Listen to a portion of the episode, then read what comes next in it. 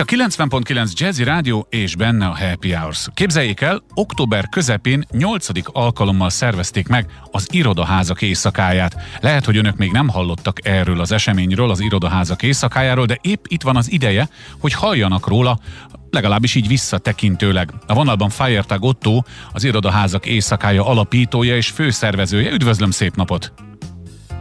Üdvözlöm a hallgatókat! Szóval mindennek van már éjszakája, és egy kicsit elgondolkodtam az irodaházak éjszakáján, mint rendezvényen.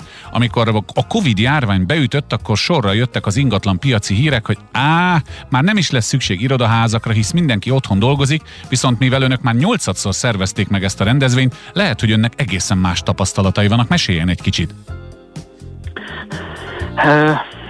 Az irodai munkáról, ugyanúgy, mint a labdarúgásról, és a lakberendezésről nagyjából 10 millió szakértő országa vagyunk, mindenkinek van, van egy véleménye.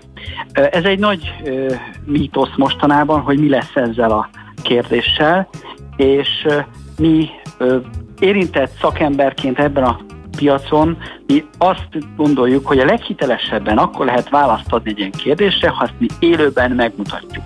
Tehát az egész irodaházak éjszakája koncepciója a hitelessége, a személyes tapasztalásra e, alapul, ahol is az éjszaka alatt ugye e, három, néha négy irodaházat és berendezett irodai tereket mutatunk be az érdeklődőknek, a szakembereknek, és itt mindenki le tudja vonni maga számára azt az élményt, azt a tapasztalást, hogy vajon ő itt biztonságban érezné magát a Covid után, a Covid előtt, jól érzi magát, milyen az érzése, milyen az akusztikája, milyenek az anyagok, milyenek a terek, milyen, milyen az egésznek a hangulata.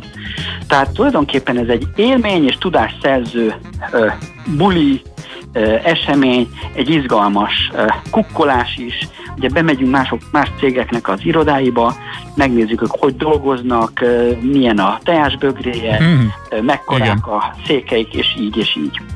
Ugye azt gondolja az ember, hogy ha látott egy irodaházat, akkor látta az összeset. Hiszen mindannyian járunk valamilyen formában irodaházakba ügyet intézni, vagy akár ott is dolgozunk.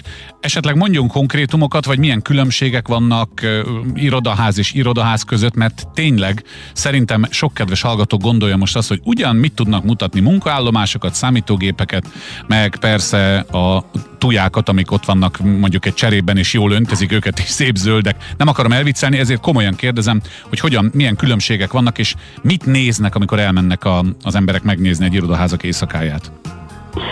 Igen, tehát a régi sztereotípiek az irodaházak jellemzően a Dallasból és a Kojak filmekből, unalmas, egyszeres irodákból származnak. De ha vegyük például a mostani irodaházak éjszakáját, ahol négy szinte teljesen különböző irodaházat látogattunk meg. Volt benne egy egészen eh, extravagáns, showroomként működő irodaháza, market, saját székháza, és ugye ő az építőipar számára szeretné megmutatni, hogy mik a leg, leg, legnagyobb újítások a piacon. Uh-huh. Tehát ők tényleg egy ilyen state of the art. Aztán a következő irodaház, az egy ilyen sokbérlős irodaház volt. Ez a gazdagréti lakóterep szélén levő Budapest, ahol azt mutatták be, hogy egy rugalmas irodaház hogyan tud reagálni a bérlői méretek változására, a COVID vagy egyéb más piaci jelenségeket hogyan tudják lekövetni.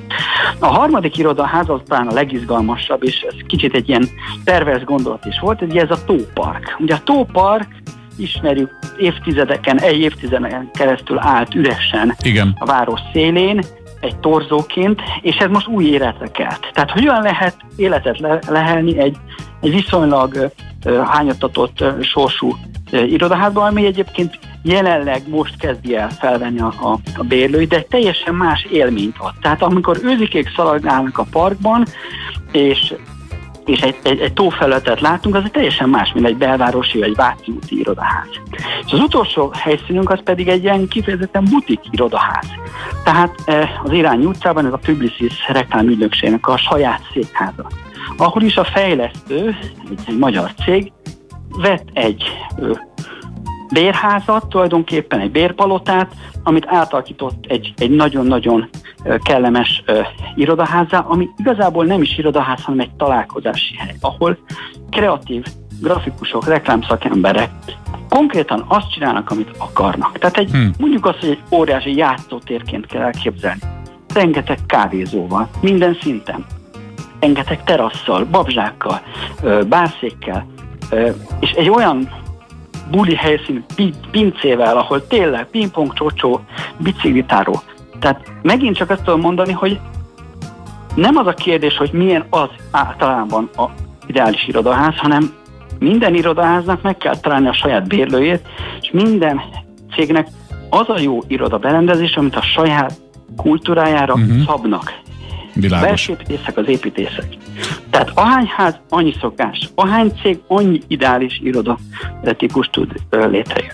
Sajnálom, hogy csak utólag számolhattunk be az eseményről, de szerintem nincs semmi veszve, ha a kedves hallgatók ellátogatnak az irodaházak éjszakája.hu weboldalra. Mondom még egyszer, irodaházak éjszakája.hu, ott mindent elolvashatnak, és szerintem meg is fogják tudni, hogy mikor lesz a következő.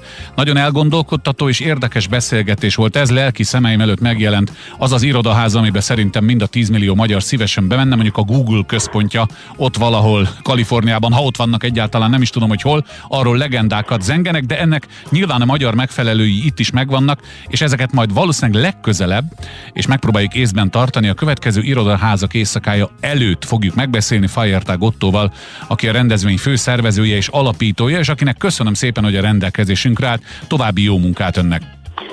Köszönöm szépen, és várjuk az éjszakázókat valószínűleg jövő tavasztal. Viszont hallásra!